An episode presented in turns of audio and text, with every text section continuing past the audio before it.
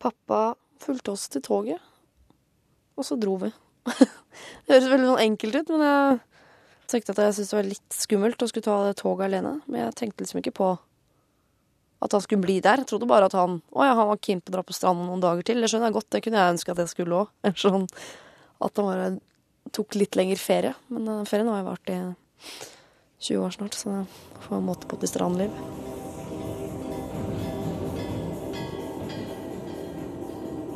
Hei, jeg heter eh, Siri. Nå er jeg 29 år, og nå tør jeg å lage en dokumentar om pappaen min. For 18 år siden så dro vi på ferie til Pietrasanta, en fantastisk liten by i Toskana. Vi tok toget hele veien ned gjennom Europa.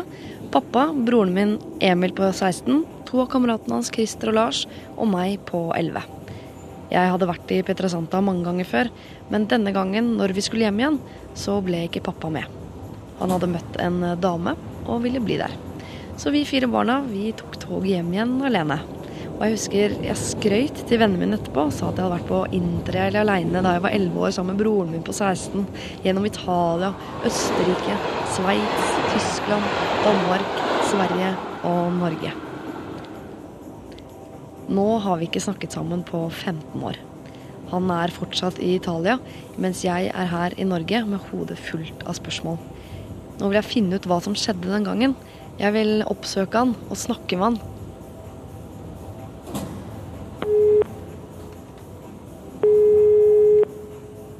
Pronto. Jeg husker ikke veldig lite av togturen. Jeg husker eh, velkomsten mye bedre hos min mor. Eh, hun sto jo på Oslo S på perrongen sammen med moren til Christer og moren til Lars. De var sånn kvinner på randen, holdt jeg på å si. Det var akkurat som de fikk oss ikke fort nok ut av det toget. Jeg tror nesten hvis ikke det toget hadde stoppa, så hadde de dratt oss ut av vinduene i fart. For det var litt sånn nå, nå, må dere komme. Men eh, ja, det skjønte ikke jeg noen ting av. Det hadde gått helt fint. Vi hadde hatt det kjempegøy på den togturen. Og ikke noe å være redd for i det hele tatt, tenkte jeg. Og ikke liksom Tog, gøy, godteri, moro. Alt gikk bra. så komplisert var det i mitt hode. Ja. Noen ganger er det bra at man er barn og ikke ser alvor i ting. Men eh, nå er jeg ikke et barn lenger. Nå vil jeg se alvoret. Mamma og jeg har ikke snakket om dette før, men nå syns jeg det er på tide. Hun var ikke sammen med pappa lenger da vi var i Italia. Hun var hjemme i Norge og ante fred og ingen fare. Men så en eller annen dag så ringer jo da pappa deg og sier at Det er ikke engang pappa som gjorde det. Nei. Nei. Altså, han bare overlot alt dette til Emil. Han, han var jo stor. 'Mamma, vi kommer hjem aleine, vi. Pappa blir her.' 'Hæ?' Ja, han, han, han blir her en stund, han, men han følger oss til toget og sånn, altså.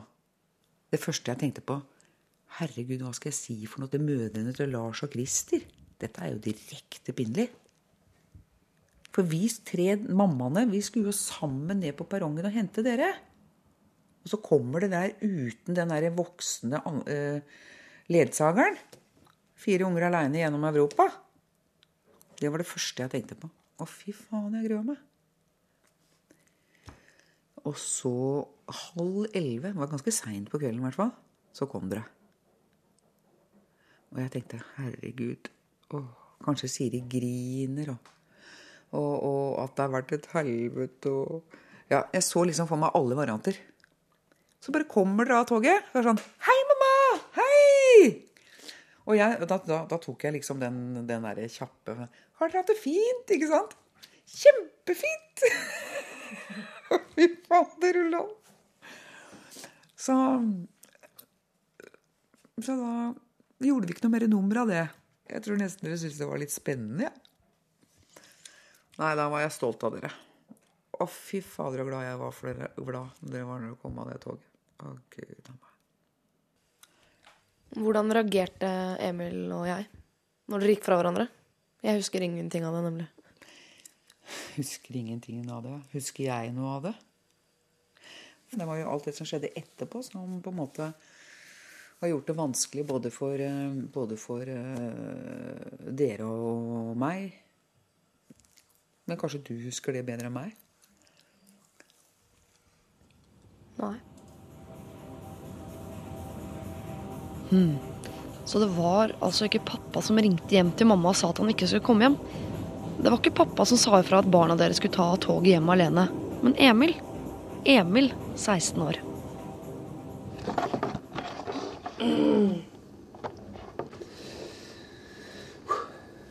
Nervøs? Ja. Er du? ja, selvfølgelig. Ok. Jeg skal ikke stille stygge spørsmål. Nei, jeg tenkte å stille spørsmål først om du husker eh, telefonsamtalen du måtte ta til mamma for å fortelle at vi skulle ta toget hjem alene. Var det jeg som måtte ringe til mamma? Ja.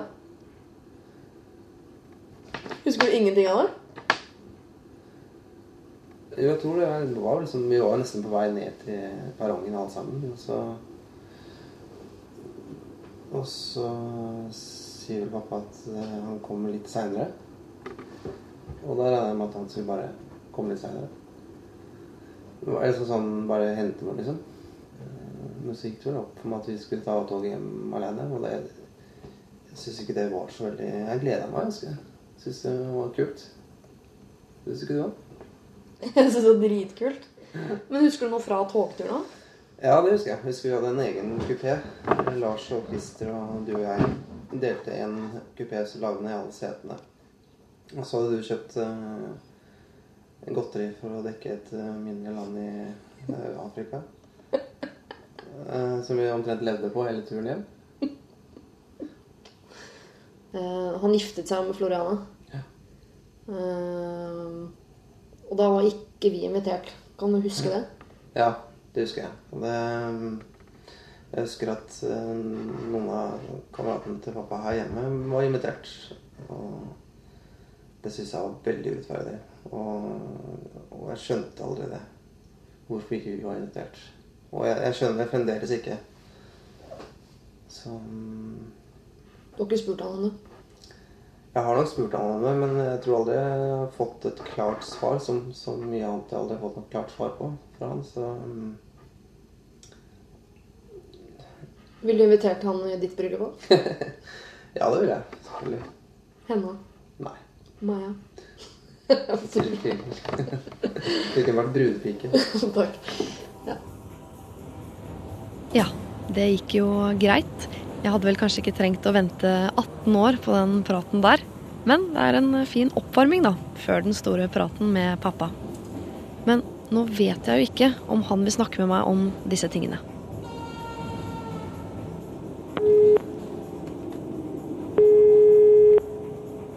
Pronto? Uh, hello, may I talk to Henning, please? Henning? Hva er det beste du husker på faren? Eller? Dette er eh, Kari. Hun jobber i P2 og skal eh, hjelpe meg å gjennomføre dette prosjektet. Mm. Vi er rett og slett ganske sånn like. Vi er veldig Vi ler av de samme tingene. Har det veldig morsomt sammen. Jeg føler at han ga meg mye sånn, ikke ansvar, da, men at han stolte veldig på bare husker en gang vi gikk, skulle på kino. Jeg, husker, jeg har ikke sjans til å huske hvilken film det var, eh, men det var tolvårsgrense. og jeg var vel ni. Og jeg husker han sa sånn Siri, du er snart ti. Når du er ti, så er du nesten elleve, og elleveåringer er jo akkurat som tolvåringer. Det er ikke noe problem. Og sovna han, da, satt jeg og så på kino. Men tenkte sånn, jeg er nesten tolv. sånn, det syns jeg var fint. Hvordan føler du deg i forhold til faren nå? Mm.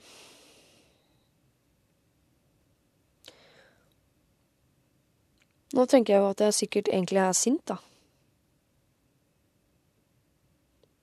Mm. Og at jeg har brukt så mye sånn tid på å ikke være sint, eh, for ikke å skremme han bort. Så jeg har pakka det bort. Men jeg blir bare nysgjerrig på hva han har sagt seg selv i sitt hode som gjør at han kan ta de valgene, eller sånn Hva var det du tenkte at var greit, eller Jeg vil vite hva han tenkte. Jeg vil vite hvordan han har det. Og så vil jeg har for min egen del øh, lyst til bare å Tørre å si at jeg er sint, da. Eller mm, Jo, si litt om de og de egenskapene har jeg, som er bra ting. Disse har jeg, som er dårlige ting. Og det er din skyld. Men eh,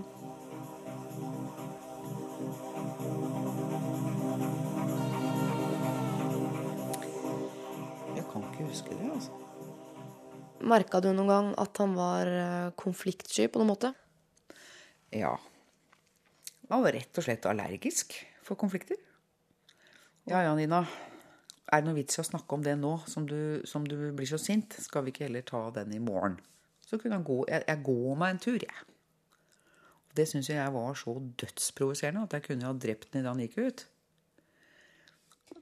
Men siden han ikke tok opp noen konflikter, er det noe han hadde med seg hjemmefra? Snakka dere noen gang om sånn Nei, det vet jeg ikke. Men du kan si at uh, han hadde jo da en uh, pappa som uh, mammaen ble gravid med under Marshall-hjelpa. En amerikaner.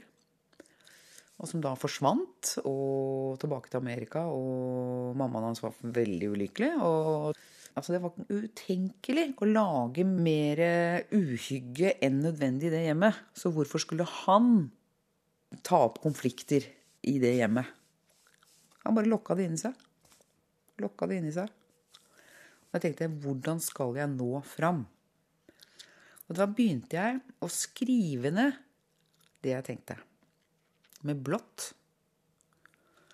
Og så skrev jeg litt sånn under Kan du være så snill å lese gjennom dette og kommentere? Så når han da kom hjem etter en sånn dag, etter en sånn kveld, hvor han da ofte kom hjem etter at jeg hadde lagt meg, så satte han seg på kjøkkenbordet med en grønn tusj og streka over og, eller under og kommenterte det jeg hadde skrevet.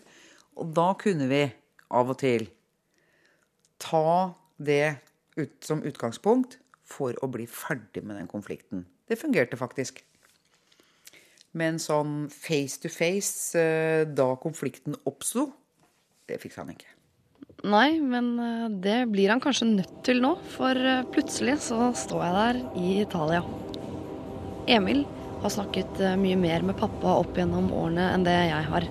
Jeg har hele tiden visst at de har snakket sammen sporadisk på telefonen, men ikke hvor mye.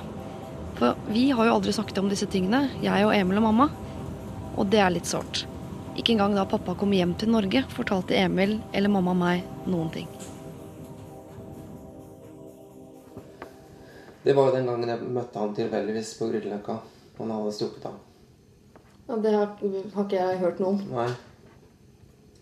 Da var jeg vel 18, da hadde akkurat eh, flytta hjemmefra og bodde på Grünerløkka. Og så var jeg på vei hjem fra mamma, husker jeg. Og da, idet jeg krysser Meyers gate og Grüners gate, så ser jeg pappa komme gående i venstre øyekrok. Da var han full. Og så ble han jo selvfølgelig veldig overraska og, og sentimental og skulle snakke og skulle unnskylde seg. Og eh, han var jo veldig emosjonell. Og det var jeg også. Det var et veldig stort sjokk å tilfeldigvis møte på faren sin som bor 400 mil unna. Og som han ikke har forventa noen gang skulle komme tilbake til Norge. Men hvorfor var han i Norge da? Fikk du liksom noe ut av han i det hele tatt? Det var vel at han eh, hadde et sambud, og det, det som han kunne gjøre, var å stikke av. Og så komme hit og starte på nytt igjen og Igjen. Ja. så da Da gikk vi inn på Fru Hagen. Men jeg husker jeg syntes, det var så fælt rett og slett, å skulle møte ham på den måten at eh, jeg orka ikke å sitte der. Um, så jeg bare måtte dra. Og fant opp en unnskyldning om at eh, jeg hadde noe viktig jeg måtte gjøre, men at vi heller kunne møtes en annen dag. Men han dro jo, og han bidrar bare et, et eller annet sted. Men han er jo veldig vanskelig å snakke med. Du blir bare veldig irritert, for du, du, får ikke gjennom noen ting. Hvis du spør om en ting, så er det liksom Du får aldri noe svar. Han tar alt som en sånn veldig bebreidelse og skal unnskylde seg, men han, han gjør det på en helt Han unnskylder seg på en helt feil måte. Så selv unnskyldningen hans er, er bare provoserende ofte. Etter hvert som pappa ringte sjeldnere og sjeldnere, så syntes jeg det var bedre om han hadde latt det være. Jeg ble bare sintere og sintere for hver gang, men jeg sa det aldri. Jeg turte ikke. Men eh, snart så må jeg kanskje det. For jeg må jo tørre å ringe før jeg reiser ned for å konfrontere han. Jeg kan jo ikke bare møte opp på døra hans, for ja, jeg vet jo ikke engang hvor han bor. Jeg husker jeg tenkte veldig ofte når jeg hørte bror snakke med han, eller mamma, at uh, slutt, slutt var så sinte, dere skremmer han bort, dere skremmer han bort. Um, derfor så prøvde jeg liksom å bøte på. Når han snakket med meg, så skulle jeg være så blid som overhodet mulig. For å få han til å ikke føle seg skremt bort fra Norge, da. For det tenkte jeg at han kanskje var. Men uh... Hva sa mor og broren til deg når du en måte har forsvart ham? Jeg syns så synd på mamma der. Det har ikke vært mulig å snakke med på de tingene. Så har noen gang mamma prøvd, og jeg bare går i lås. Det skal jeg ikke snakke om. Tok meg med til barnepsykolog, blant annet. Jeg husker jeg satt sånn rom med masse puter og en mann med skjegg. Og tenkte sånn åh, skal du liksom Ja. Jeg husker jeg måtte tegne en tegning. Tegn familien din. Da tegna jeg pappa som en rose inni en istapp. Eh, og så tegna jeg eh, Mamma tegna i hvert fall som en sånn Som blå sånn gass, eh, sånn som du tenner på. Jeg tegna i hvert fall henne som slem, men som en som prøvde å tine isen rundt pappa. Uh, og så tegnet jeg vel bror som et tau som prøvde å mm, holde hele greia sammen, eller Ja. Jeg tror ikke jeg har tegna meg i det hele tatt. Det husker jeg ikke.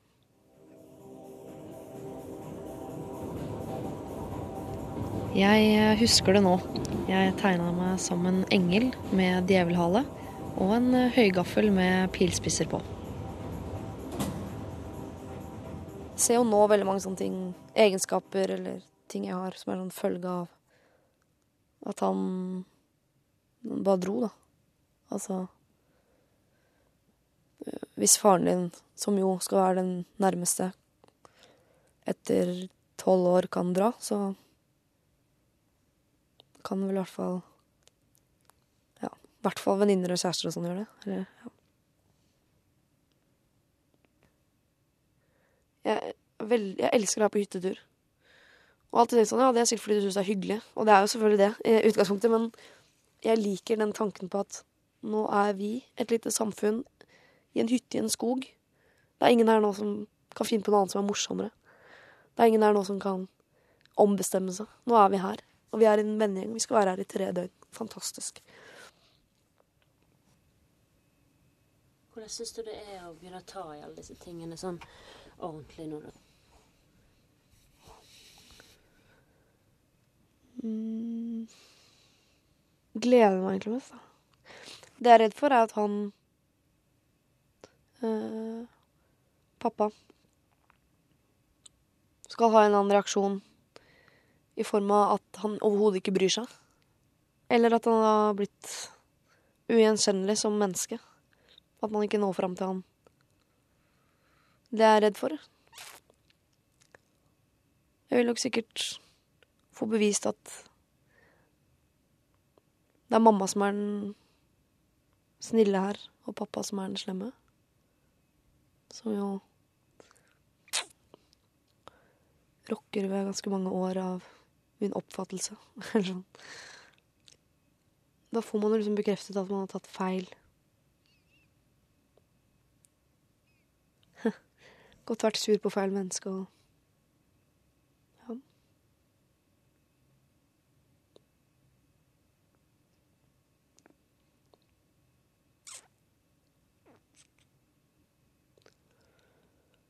Mest redd for det, kanskje.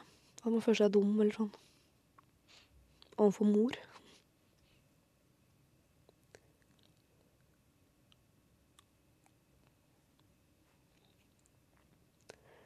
Og kanskje redd for å ha gått glipp av ting.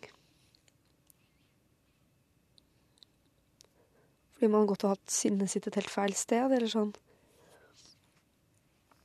Hvis jeg hadde funnet ut av dette her med en gang, og hatt det med en gang, så hadde jeg kanskje hatt nærmere forhold til mamma, broren min Ja, folk generelt.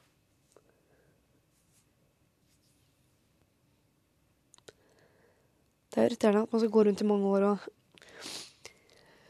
ha positive tanker om det mennesket som er det eneste i flokken som har gjort noe som ikke er positivt, og så ja Går liksom utover alle de andre. Det vil jeg at han skal vite òg, på en eller annen måte.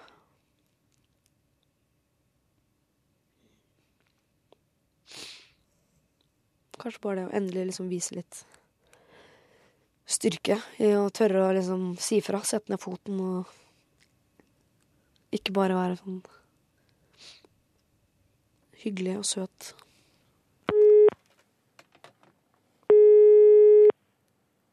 Pronto? Uh, hello, may I talk to Henning, please? Henning? Uh, oh, yeah, yes, uh, just a moment. Thank you. Henning, tu peux venir au téléphone C'est pour toi. Oui, oui. Det er eh, 15 år siden jeg har eh, snakket med pappa. Henning. Ikke hyggelig og søt nå. Vi pronto. Hei, pappa. Det er Siri. Hei, Siri. Hei. Går det bra? Ja, det gjør det. Det er så lenge siden jeg har snakka med deg. Ja, det har vel gått en 10-15 år, er det ikke? Sist gang jeg, jeg hørte om deg, så skulle du til Syd-Amerika. Nei, Syd-Afrika. Ja, det kan stemme. Jeg, jeg tror det var en venn av meg som hadde sett på internett som skjønner sånne ting. Ok. Ha- Har du kommet hjem derfra? Ja, jeg var der bare noen uker. Åh. På ferie, bare. Åh, ja. Hvordan går det med deg? Jeg har det veldig fint. Gjør du det? Ja. Har du det bra? Ja, jeg har det veldig bra. Ja, det har jeg også. Så fint. Bor du i Italia, eller? Ja, du vet jeg bor jo i, i, i Paris, Roma og Pietrasanta, men nå, nå bor jeg liksom, la oss si, ni-ti måneder her i Pietrasanta. Ja. For jeg holder på å gjøre ferdig alle tingene. Så pent og flott. Dere er ikke ferdig med huset ennå? Nei, utendørs, vet du. Det er, Ja. det er ikke bare huset. Nei, nå har jeg lagd to andre hus. Ja. Jeg liker å lage hus. jeg har forstått det. Det har blitt en slags forbannelse, men eh, man skal jo leve med sine forbannelser, skal man ikke? Jo, jeg har hørt det. Men Det er det som er kunsten, vet du. jeg eh, skal til Pietra Santa i sommer. Kom innom, da. Ja, er du der da? Jeg, Ja da. Ser jeg deg, da? Ja, jeg, jeg vil veldig gjerne komme på besøk. Ja, gjør det. Gjør det, Siri. Ja. Se om du kjenner meg igjen. det tror jeg nok at jeg gjør. Gjør du det? Ja, helt sikkert. Ja, jeg skal forklare deg nærmere. Ja. Det, er, det har noe med detaljer å gjøre. Men jeg ringer deg sikkert en gang til før jeg kommer ned. Gjør det, Siri. Ja. Kjempeflott. Da ses vi. Å, nå ble jeg glad. Ok, hils Floriana, da. Ja, jeg skal gjøre det. Ja. Ha det.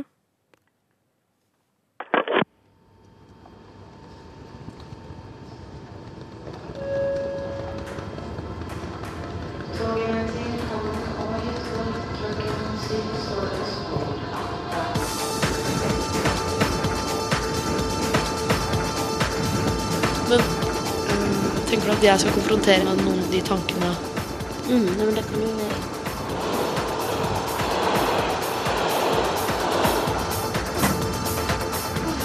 står här för att invänta våra naveln.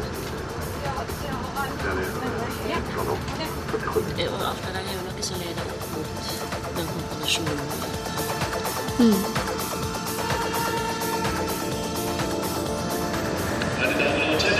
jeg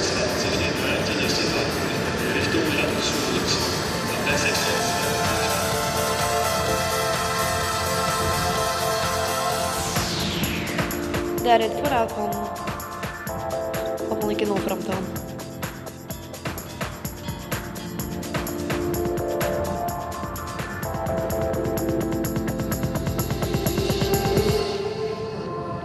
Montecatini Centro.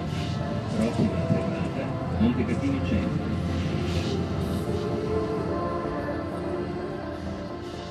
Kanskje bare det å endelig liksom vise litt styrke.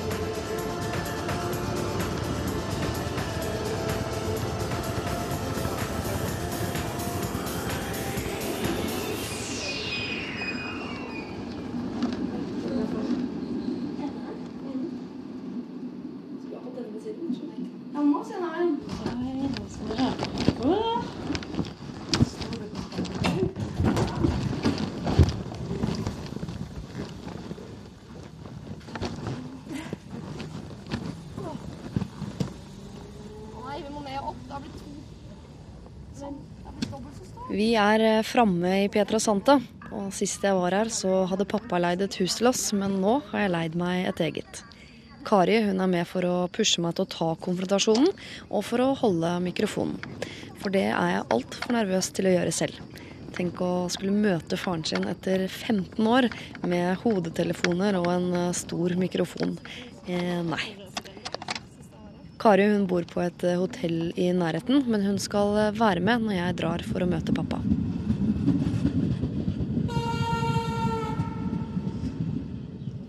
Jeg ringte pappa en gang til før jeg dro ned hit og fortalte at jeg skulle lage en dokumentar. Det var helt greit for ham. Men allikevel så gruer jeg meg når jeg våkner første morgen og skal ringe for å avtale når og hvor vi kan møtes. Men før jeg det hele tatt rekker det, så ser jeg at pappa han sitter utenfor i hagen. Han har ikke ringt på, han bare sitter der og venter. Og hvordan vet han hvor jeg bor? Hvordan vet han at jeg i det hele tatt har kommet fram? Jeg er jo ikke klar. Kari hun er ikke her, jeg har ikke dusja. Jeg har ikke funnet fram hvilken kjole jeg vil ha på. Jeg blir bare stående inne på soverommet mitt, vel vitende om at pappa er rett utenfor, og jeg tenker Skal jeg gå ut i hagen nå og bare si hei? Eller skal jeg tørre å skru på mikrofonen først? Hei.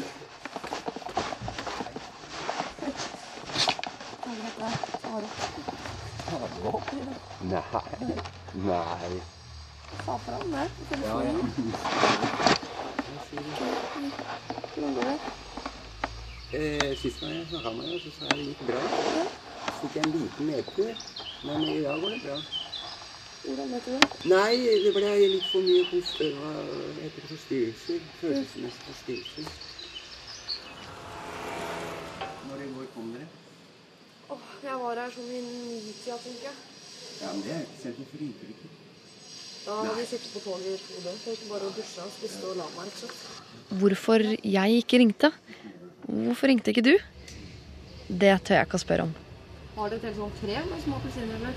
Ja, det. Ja, så mye frukt og Plommene er ikke helt modne ennå, men eh, det var derfor jeg hadde vondt i magen da jeg spiste fire av dem før jeg la meg. Så ventet jeg på telefonen Ja. til klokka halv tolv mens jeg så på en elendig film på italiensk TV. Eh, så, og drakk kaffe for å holde meg våken. Det er jo Med min konstitusjon så Hallo, Siri. Hei, mamma. Det er Siri. Har du kommet fram? Nå har jeg kommet fram. Ja, har du truffet pappa da? Ja. Avtalen var jo at jeg skulle ringe han enten i går kveld eller i dag på dagen, så skulle han komme hit. Jeg skulle ha fått dusja og kledd meg og funnet fram opptaksutstyr, liksom. Ja. Men uh, plutselig satt han jo bak jagen her. Jeg kunne ikke la være å gå ut heller. Nei, vent litt. Anne. Gunni, kan ikke du lukke døra nå? Det er viktig at jeg hører nå. Ja, hvordan var det da? Han var uh, Han var rar. Han var blitt veldig, veldig tynn. Og så Ja Han så ikke så veldig Han så jo eldre ut. Når man blir veldig tynn i ansiktet, så ser man jo litt mer sånn dratt ut. Men eh, Men jeg gleder meg til jeg tør å stille liksom de spørsmålene jeg har lyst til å stille. Da. Nå var det jo bare sånn Hvordan går det, og hvordan bær har du i hagen din? Bare, ah. Ja, ja, ja, ja. ja.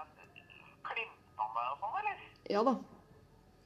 Floriana reagerte på det at vi var så kalde eller så kjølige. Bare I Italia er det kyssing og klapping og klemming og at vi er litt mer sånn reserverte. Men herregud. Jeg har jo ikke sett den mannen på 15 år. Ja. Nei, men eh, jeg får gjøre meg i stand, ja, så snakkes vi litt senere. Kjempefint. Ok, ha det. Det første møtet med pappa i hagen, det var veldig rart. Vi er sammen på kvelden også, pappa, Floriana, Kari og jeg. Og vi har akkurat vært i en fantastisk liten fjellandsby og drukket cappuccino og sett utover havet. Men eh, nå snirkler vi oss oppover i åssiden utenfor Pietrasanta på vei hjem til huset der pappa og Floriana bor.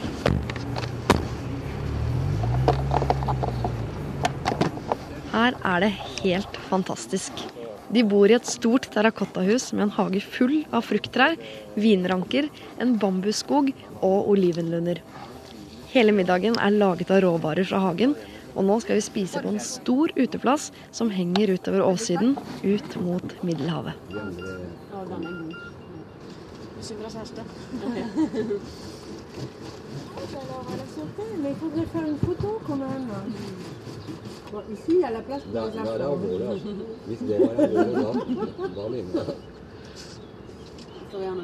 skal gifte deg.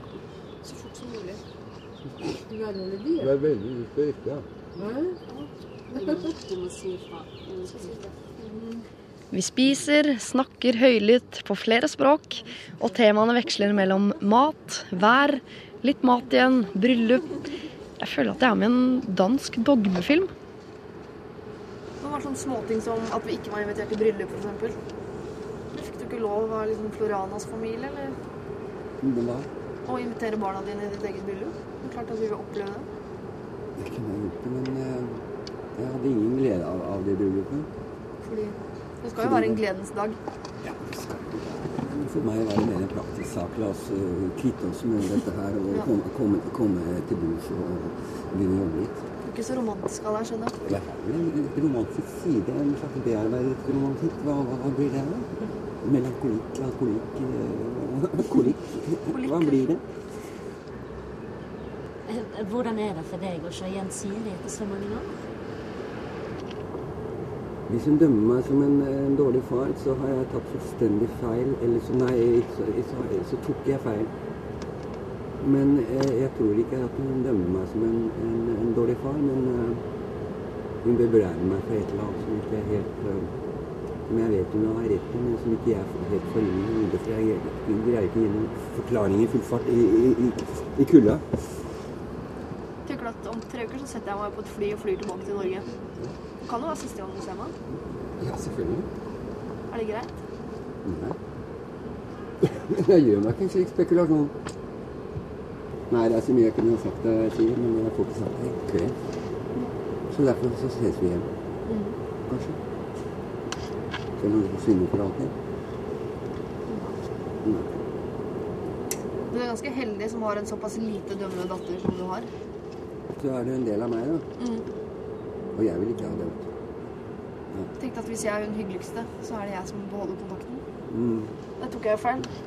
Jeg har jo sett på det at du valgte å bli en her i Pietrasanta som et slags selvmord. Selv, slags, ja, disse familien til Florana snakker stadig om det at jeg er selvmordrisk. Jeg tenker at du har tatt ditt selvmord, ja, så skjønner jeg. Tatt mitt selvmord. Ja, det er jo en måte å ikke konfrontere virkeligheten på. Du har jo kuttet ut et helt liv og startet nytt. Eh, Jeg vet at disse ti årene, de, de har ikke ødelagt det. Selv Nei, har nei. gjort, det vondt. Du kan fortelle hva, sånn rent hva jeg mener at det har gjort. Mm. Selvfølgelig det. Endte opp med å, eh, ja, si? Endte opp med å bli et menneske som ikke stoler på at folk blir der vi er. Altså ehm,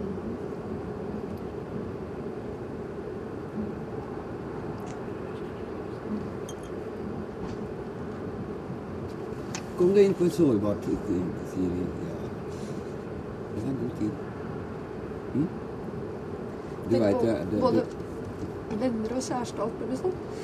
Så tenker jeg at uansett hvor glad de blir i meg, uansett hvor interessant jeg er til enhver tid, så har jeg ingen garanti for at de kan forlate meg. Fordi når det mennesket som skal elske meg høyest, kan klare å ta et valg blant setter meg på tog og ikke ser meg igjen, så kan hvem som helst gjøre det. mm. Jeg stoler ikke på noen andre enn meg selv. Nei, det kan ikke det. Er ganske vondt. Jeg, ganske, jeg kommer aldri til å komme Stole 100 på et annet menneske. Det er ganske slitsomt. For jeg går med en konstant frykt om at hvis ikke jeg er interessant nok Mm. Det er slitsomt å gå og prøve å gjøre seg interessant 24 timer i døgnet for å stole på at mennesker skal bli det. hele mitt liv, Siri. Vet du? Det har jeg levd med hele mitt liv. Og jeg kommer aldri til å bli ferdig med å tenke på det problemet. Du vil aldri greie å løse det. Jeg sitter igjen med følelsen at her er det mennesker som har kjent meg i 11 år og vært glad i meg og funnet ut at det ikke er nok. skjønner. du? Det var, ja, men det var ikke slik det var. Unnskyld meg. Hadde jeg hatt til å hadde jeg gjort det, men, men jeg har aldri Jo, jeg fikk en tåre i øynene når jeg så den eh, den dumme filmen fra, fra London som alle gråter over. Notting Hill? Ja. Har ikke sett Den, den jeg har sett 20-30 ganger. Det er et eller annet der som jeg bruker som fatt.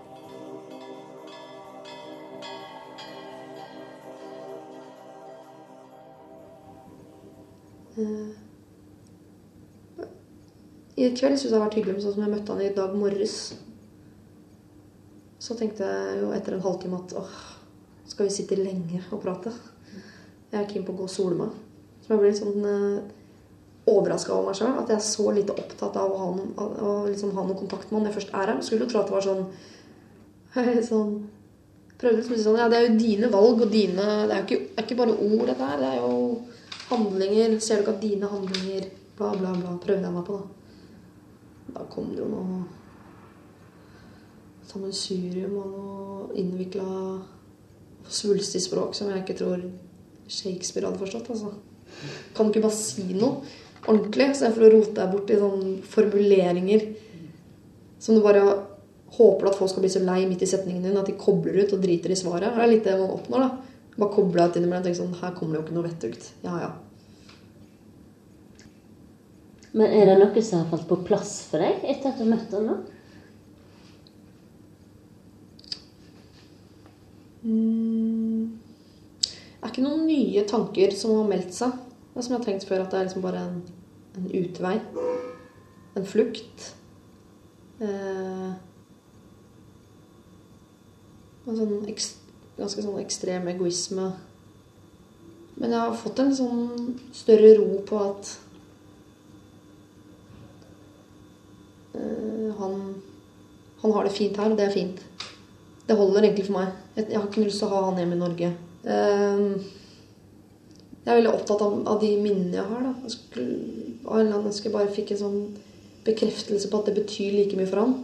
Husker han at han viste meg alle Hitchcock-filmene selv om jeg bare var liksom ti år gammel. Altså, sånn, husker han at vi var på liksom, Solkongens palass i Paris og ødela for de kinesiske turistene fordi jeg syntes det var gøy å ødelegge bilder. Husker han sånne ting? Da? Det er det jeg lurer på. Eller man er så glad i sine egne minner at det betyr mye for meg at han også har de minnene. Da. Og helst de samme minnene som meg. Ikke det er liksom bare noe jeg har skapt. At det var sant? Ja, det er sant. Jeg holder på å pakke for å dra hjem igjen til Norge. Jeg har bare truffet pappa to ganger imens jeg har vært her. Og selv om det ikke ble den helt store konfrontasjonen, så føler jeg meg veldig ferdig med dokumentaren. Jeg har i det minste prøvd. Pappa derimot, eh, han har ikke gitt meg noen tydelige svar. Men allikevel så sitter jeg igjen med færre spørsmål. Færre spørsmål, men mer skuffelse. For jeg er skuffet over at han ikke kunne svare på hvorfor han dro. Men jeg er også skuffet over meg selv for at jeg ikke spurte.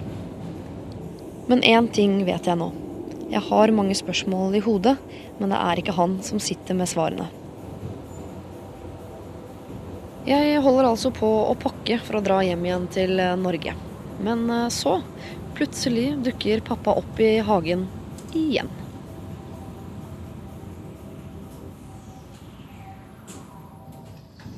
Siri, kjære Siri. Du kan hate meg så mye du vil, og øh, du kan uh, slå meg i ansiktet. Mm. Jeg vet du har lyst til det, Siri. Men før du drar hjem igjen, så la oss prøve å snu siden. For at eh, jeg tror vi har fremdeles en sjanse at vi, at vi kan komme sammen. Det er alt jeg vil, Siri. For at, jeg, tro meg når jeg sier at jeg har hatt det veldig vondt i mange år. Eh, Men uansett så har jeg vel antageligvis gjort en jævlig stor feil og aldri har kontaktet deg mens du var i Norge. Jeg har vel antakelig gjort deg veldig vondt. Jeg ga opp. Jeg ga opp, og da hadde jeg ikke noe mer Jeg, hadde, jeg kunne ikke ha gitt noe mer til deg eller Emil enn hva som helst, liksom. Jeg hadde ikke en Siri, Du, du skjuler et eller annet ting for meg, selvfølgelig, men, men det er ikke så Det gjør ingenting, Siri. Du kan eh, eksplodere og si hva du vil til meg seinere, hvis du vil. Men ikke, ikke forsvinn. Mm. Du gjør ikke det nå. Akkurat som jeg, jeg er her, liksom, Siri. Mm. Ja. Og hva enn vondt jeg har gjort deg, så skal jeg prøve å gjøre det godt. For at nå har jeg muligheten til liksom, men uh, Så uh, Jeg stakk ikke, nei. Jeg var her på ferie sammen med deg, liksom, og så, og så, uh, så slo det meg liksom sånn Eh, der er en kone som har lyst på å gifte seg med et hus, og jeg kan forhandle mitt liv som jeg vil. Kan jeg ikke det? Jo, det kan jeg. Og det gjorde jeg. Det tok meg to sekunder å avgjøre, liksom. Det var ikke noe veloverveide greier, ikke sant. Det provoserer meg. Jeg har altså brukt 15 år på å komme over to sekunder. Jeg er ikke lei meg lenger for at vi ikke har kontakt, men jeg er fortsatt lei meg for måten kontakten ble brutt på. Har du det bra? Ja, jeg har det veldig bra. Ja, det har jeg også. Så fint. Han er pappaen min. Det kommer han alltid til å være. Selv om jeg tar toget hjem til Norge, og han blir her i Pietra Santa. Jeg vil bare at du skal ha, huske at du har hatt det, godt mens du har vært her nå, selv om du har prøvd, prøvd å unngå meg, liksom. Men du har truffet meg to ganger. Så jeg vet at du er interessert. Jeg har ikke prøvd å unngå deg, pappa, men jeg kan har sett deg på 15 år, så kan du ikke ja, forvente deg plutselig nei, å nei, masse nei, tid med deg. nei, To ganger er mer enn veldig mye i løpet av 15 år. Jeg synes det er kjempehyggelig å se deg. Jeg blir veldig glad for at du har det bra, men jeg Jeg har ikke noe sånn hull som trengs å fylles av noe sånn tilbakevendende far. Altså, det er ikke noe Som du har lært å liksom få det fint på 15 år, så har jeg lært å ha det fint uten på 15 år. Mm. Brukt de samme 15 årene. Mm. Ja. Men du sitter allikevel igjen med en bitterhet uh, mot meg. Hvem, hvem, er, hvem, er, denne personen, liksom? Min far, liksom? Som skulle jeg vært en far, liksom? Det spørsmålet sitter du igjen med, og det spørsmålet sitter jeg også igjen med.